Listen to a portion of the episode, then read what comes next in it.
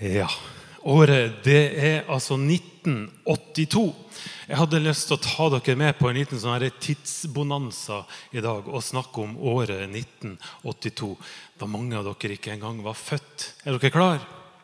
Året 1982 det er altså året da Oddvar Brå brakk staven. Tenk det, oppi gata her. VM på ski oppe i Holmenkollen. Året 1982 det var da Michael Jackson ga ut 'Thriller'. Det var da Jørn Hoel og Steinar Albrigtsen herja norske hitlister. Og det året da Sondre Lerche ble født. I 1982 så tok fugledansen totalt Det nådde store høyder. Husker dere fugledansen? Ja, Lavere kan man vel ikke synke. Nå har vi fått dabbing og floss og sånn. Så jeg bare betrygger dere med at verden går i riktig retning. Jeg hadde akkurat blitt tenåring faktisk i 1982. Jeg har kommet i den alderen der jeg lengta ut og vekk fra den lille bygda der jeg kommer fra. Og jeg løfta blikket, og jeg skjønte at verden er et fascinerende sted med fugledans og god musikk og sånt. Men så oppdaga jeg også at verden er ikke bare fascinerende, verden er også et farlig sted. I 1982 så var det mye krig. Til og med England var i krig. Og hvem kriga de mot? Ja, Det er ikke noe quiz, det her. Altså. Det er, men de kriga altså mot Argentina. Og hva kriga de for? Eller hvorfor kriga de? Jo, de krangla om ei lita øy ute i Atlanterhavet som heter Falklandsøyene. Der bor det omtrent 3000 mennesker, og dette krangla de så fælt om at de gikk til krig. Og Jeg husker TV-bildene med store engelske krigsskip som seiler ned til Atlanteren. Og jeg husker argentinske soldater som kapitulerte etter ikke så veldig lenge.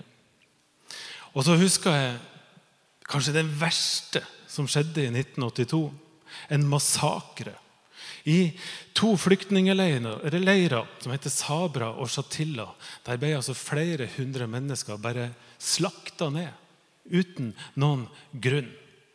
Men framfor alt, selv om det var mye krig, så var det den kalde krigen som prega oss aller mest. Og I flere år før 1982 så har USA og Sovjetunionen de har fylt atomvåpenlagrene sine så godt de kan. Det var et ordentlig sånn, våpenkappløp. Og den kalde krigen den handla om å vise styrke. Den handla om å flashe styrken, flash våpen, flash alt som kunne skremme den andre, sånn at den andre ikke torde å angripe. Det, handlet, det var liksom strategien i den kalde krigen. I USA så var Ronald Reagan president. George W. Bush senior var visepresident. Altså, Ronald Reagan var en sånn halvgod skuespiller som spilte i dårlige westernfilmer. Og så tok han George Bush som sin visepresident. Det var ikke så rart at vi var litt engstelige der vi satt oppe i nord. Og jeg bare sier Det det er disse skuldrene Trump står på, for å si det sånn. Det var USA. I Sovjet der satt Leonid Brezjnev og styrte landet med jernhånd. Det hadde han gjort i nesten 20 år. Og Sovjet det var jo et helt annet regime enn det vestlige, enn USA. Det var et kommunistisk regime. Det var ateistisk. Brezjnev hadde bekjempa kirka og alt dets vesen altså, siden han kom til makta. Og samtidig så har han bygd opp et voldsomt militært og politisk maktapparat. Idealet her det er altså det klasseløse samfunnet. Det er tankene til Marx og til Lenin og til Engels og disse folkene her som råder. Men Brezjnev og noen ytterst få andre de er ikke så klasseløse. De lever i sus og dus, holdt på å si, i voldsom luksus. Men så skjer det. 10. november 1982 så dør Leonid Brezjnev. Og Det er kanskje den største begivenheten i verden dette året. Og nå, nå skulle Leonid Brezjnev begraves. Og Selv om den kalde krigen var helt på frysepunktet, altså, så ble alle verdens og til og med alle Vestens ledere de ble invitert til begravelsen. Til og med Ronald Reagan og George Bush senior kommer. Den sovjetiske makteliten de tenkte nå får vi benytte muligheten. Og de gjorde begravelsen til en ordentlig maktdemonstrasjon. De flasha våpen som om det gjaldt livet. Altså, de flasha alt som kunne imponere verdens og Vestens ledere. De lagde store parader der soldatene marsjerte prikkfritt. De rulla fram de største og tyngste våpnene i de samme paradene. Det var masse tanks i lufta som fløy jagerflyene, jagerflyene i perfekte formasjoner, mens store store folkemengder sto i gata og sørga over sin elskede leder som var død. Jeg husker disse bildene fra Dagsrevyen. Jeg husker veldig godt bildene fra disse paradene og alle som marsjerte, og folket som sto der. Og jeg husker den åpne kista som var liksom midtpunktet i seremonien. Det var en kort, enkel seremoni, en iskald seremoni som var helt uten religiøst innhold. Og nærmest denne kista så sto politbyrået. Og for å gjøre det enkelt, tenk på dem som regjeringa. Og sammen med politbyrået så sto Victoria. Victoria det var enka etter Brezjnev. Dette var en verdensbegivenhet, men det var altså mer enn det. Det var en personlig tragedie for en familie og for ei dame som hadde mista mannen sin. Victoria og Leonid er et vakkert navn. Det høres ut som et fint par.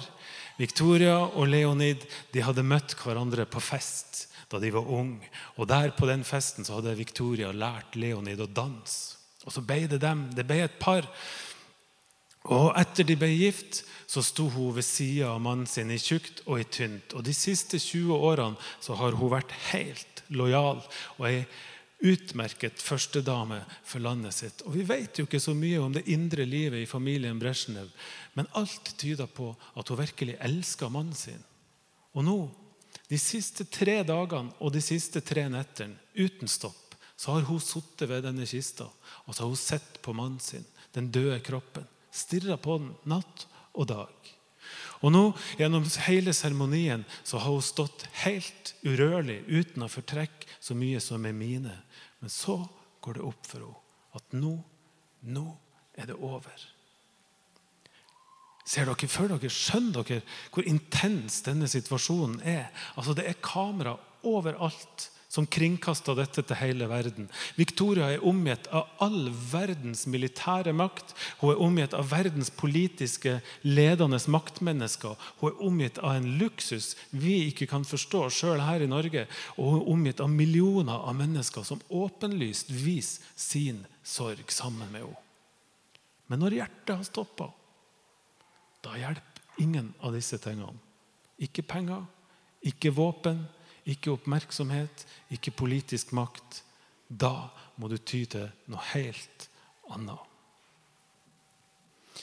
Og I teksten som Andreas leste fra Bibelen, der er situasjonen lignende og like intens. altså. Sorgen og fortvilelsen er bunnløs, og vi er vitne til en lignende personlig tragedie. Husker dere teksten som han leste fra Lukas 7? var det vel? Det kommer også et tog ut fra en by som heter Nain. I dag er dette en liten landsby. Men på den tida der var det en litt større by. Og Det er altså et begravelsesfølge som kommer ut byportene. Det er ei enke som har mista sin eneste sønn. Kan dere tenke dere til hvordan det er for ei enke å miste sin eneste sønn? Hun har altså akkurat mista mannen sin. Nå mister hun sønnen sin. Og jeg innbiller meg at sorgen og fortvilelsen den må ha vært bunnløs. I tillegg til sorgen og savnet så vil nå denne mora gå inn i en helt ny sosial og økonomisk situasjon. Fra denne dagen her så er hun helt avhengig av andre. Hun avhengig av almisser og gaver fra det andre. For i dette samfunnet så er det ingen fattige enke som klarer seg sjøl. Fra denne dagen er hun en tigger. Og så skjer det. Utafor byporten så kommer det et tog imot dem. Et helt annet tog. Et tog som er fylt av glede. Jesus har vært i Kapernaum og helbreda tjeneren til en offiser. Og Gleden den var så stor den, at da Jesus tok med seg disiplene for å dra videre, så er det en stor, jublende folkemengde som følger med. Kan dere se det for dere? Sørgetoget som er på vei ut av byen Nain. Og gledestoget som er på vei inn i byen. Og så møtes de. For en kontrast. Her sang vi sorgen og gleden de vandrer til hopes. Og dette må være musikkvideoen til den låta. Altså. Mer konkret enn akkurat dette får vi det ikke. Og hva tenker dere ville vært naturlig i en sånn situasjon? Jeg tenker i hvert fall at Det naturlige ville vært at de som var glad, de ble med i sørgetoget. Altså Hvis du er helt nedbrutt av sorg, da er det vanskelig å delta i andre sin glede. Da er det enklere for den glade å bli med på den, med den som sørger. Sånn sett så er sorgen en sterkere kraft enn gleden. Ganske ofte. Men så er det ikke det som skjer. Her får altså Jesus øye på den enka. Og hva skjer? Jo, han får inderlig medfølelse med henne. Jesus får inderlig medfølelse, leste vi. Og Når Jesus er i nærheten, ja, da kan det umulige skje. Så han går bort til denne enka og så sier han, 'Gråt ikke'. Så går han bort til båra, legger handa si på båra, og så sier han til denne gutten, 'Du unge mann, jeg sier det. Stå opp.' Og så skjer underet. Han som er død, setter seg opp og begynner å prate. Og så gir Jesus han til mora i lys, levende livet. Det står ingenting om hvordan mora reagerte, det kan vi bare forestille oss. Men folket det står det noe om. De begrepet ærefrykt. De lovpriste Gud. Og jeg ser for meg at de to togene de smelta sammen, og så ble de til ett tog. Et gigantisk gledestog som gikk inn i byen for å feire det som hadde skjedd. Jesus han snudde den djupeste sorgen til den største gleden i denne historien. Det er en fin historie. ikke sant? Utrolig heftig. Og en vakker historie som ender så godt, så godt. Og Jeg vet ikke hva dere tenker, men tror dere dette kunne ha skjedd i dag? 2000 år etterpå? Altså, Det reiser predikanter rundt. De har vært i Norge òg og forteller at de vekker opp døde i Jesu navn. Hva tror dere om det? Jeg har vært i mange begravelser, men jeg har aldri opplevd noe sånt. Jeg vet ikke om dere har det heller. I så fall hadde jeg sikkert hørt om det. Men jeg har lurt på hvorfor valgte Jesus å vekke opp akkurat denne gutten? Han vekte jo opp et par andre også, Lasarus bl.a. Men stort sett så lot han jo folk dø. Helt naturlige døder. Hvorfor griper ikke Jesus inn nå, og hvorfor greip ikke Jesus inn da? Overfor alle som skulle dø, og for alle som lider, og for alle som er syke. Hvorfor lot Jesus folk dø, og hvorfor lot Jesus folk være syke? Jeg vet ikke om dere har svar på det. I så fall så må dere komme og snakke med meg etterpå. For det har jeg veldig lyst til å vite. Jeg vet ikke hvorfor. Sorgen og døden det er en del av alle sine liv. Men denne historien den forteller oss at Jesus lider sammen med de som sørger og har det vondt. Jesus fikk inderlig medfølelse med denne enka. Og det var ikke noe engangstilfelle. Det kan vi lese om mange ganger. Han sørga virkelig med de som har det vondt. Jesus fjerner ikke alltid lidelsen, men han lider sammen med alle som har det vanskelig. Og for noen av oss så er det nok å vite at Jesus er der sammen med oss når vi har det vanskelig. I stedet for å ta det vanskelige bort, så bærer han oss igjennom det som er vanskelig. Men det som denne historien aller først, eller først og fremst forteller oss, det tenker jeg at denne historien er en forsmak på Jesus sin egen død og oppstandelse. Den forteller oss at Jesus har makt over døden. Guds rikes krefter og Guds rikes gleder er sterkere enn vår verdens sorger og død. Jeg tenker at Denne historien den gir oss et håp om et nytt liv på en ny himmel og jord. Og Når vi neste gang befinner oss i en begravelse, kanskje til og med den dagen vi befinner oss i vår egen begravelse, Og når kista er senka og tre skuffer jord er kasta på kistelokket, så tenker jeg at da, da har vi et håp om at Jesus skal reise opp alle sammen som tror. Hør på dette som står i Bibelen. I Johannes 11 så sier Jesus dette. Han sier, 'Jeg er oppstandelsen og livet.' 'Den som tror på meg, skal leve om han enn dør.' 'Og hver den som lever og tror på meg, skal aldri i evighet dø.' Disse ordene blir lest akkurat da, når kista er senka ned i alle norske kristne begravelser. Og for et løfte Jesus gir her. Tenk så heldige vi er, dere, som skal slippe å stole på oss sjøl den dagen vi dør.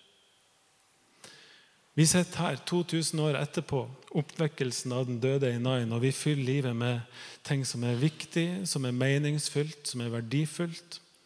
Men når hjertet stopper dere, og det kommer det til å gjøre en eller annen dag, da blir penger, da blir makt og suksess og politikk og alle sånne ting det blir helt uvesentlig. Da blir våre egne krefter veldig små. Sjøl den sterkeste er nødt til å gå et annet sted. Da begravelsen til Brezjnev nærma seg slutten, så skjedde det en ting som var helt utenkelig. Victoria, enka etter Brezjnev, hun hadde stått helt urørlig i lang tid sammen med politbyrået, og hun sto på sida av den åpne kista. George W. Bush senior han sto like i nærheten. Han hadde VIP-plass i denne begravelsen. Og han har fortalt at rett før soldatene skal bort og legge lokket på kista, så går Victoria bort helt inntil kista. Og så bøyer hun seg raskt over mannen sin, og så tegner hun korsets tegn på brystet hans. Og så legger de lokket på. Er ikke det utrolig å tenke på? Altså, Når du kommer hit så er det ikke noe annet sted å gå, sjøl for en som har bekjempa all kristen aktivitet og innført et ateistisk livssyn i et av verdens største land. Sjøl når du er omgitt med makt og luksus av folk som sørger sammen med deg, så er det faktisk sånn at alt håp er ute når hjertet stopper. Bortsett fra den ene plassen som vi alle kan gå. Det finnes nemlig ett sted å gå også da. Og da er korset det eneste vi har å ty til. Og Det tenker jeg denne historien fra Lukas forteller oss. Jesus har makt over døden. Det gjelder for oss, det gjelder for de som var der en gang da. Og Jesus har kraft til å reise opp oss alle. Kanskje gjør han ikke det, sånn at vi kommer til livet i denne verden, men i en ny himmel og en ny jord. Det er aldri for seint. Men vi trenger ikke å vente med å gå til Jesus. Han står med åpne armer klar til å ta imot alle som ønsker å leve livet sitt sammen med han. Og nå skal vi snart ha nattvær. Da skal dere få komme fram hit og ta imot brød og vin. Og den som tar imot brød og vin, på den måten så tar vi imot Jesus og inviterer Jesus inn i livet vårt. Og dette er også vår forsikring om at Jesus skal være der den dagen vi dør, og reise oss opp til et evig liv sammen med Han. For et håp vi har, og det skal vi feire med nattverd.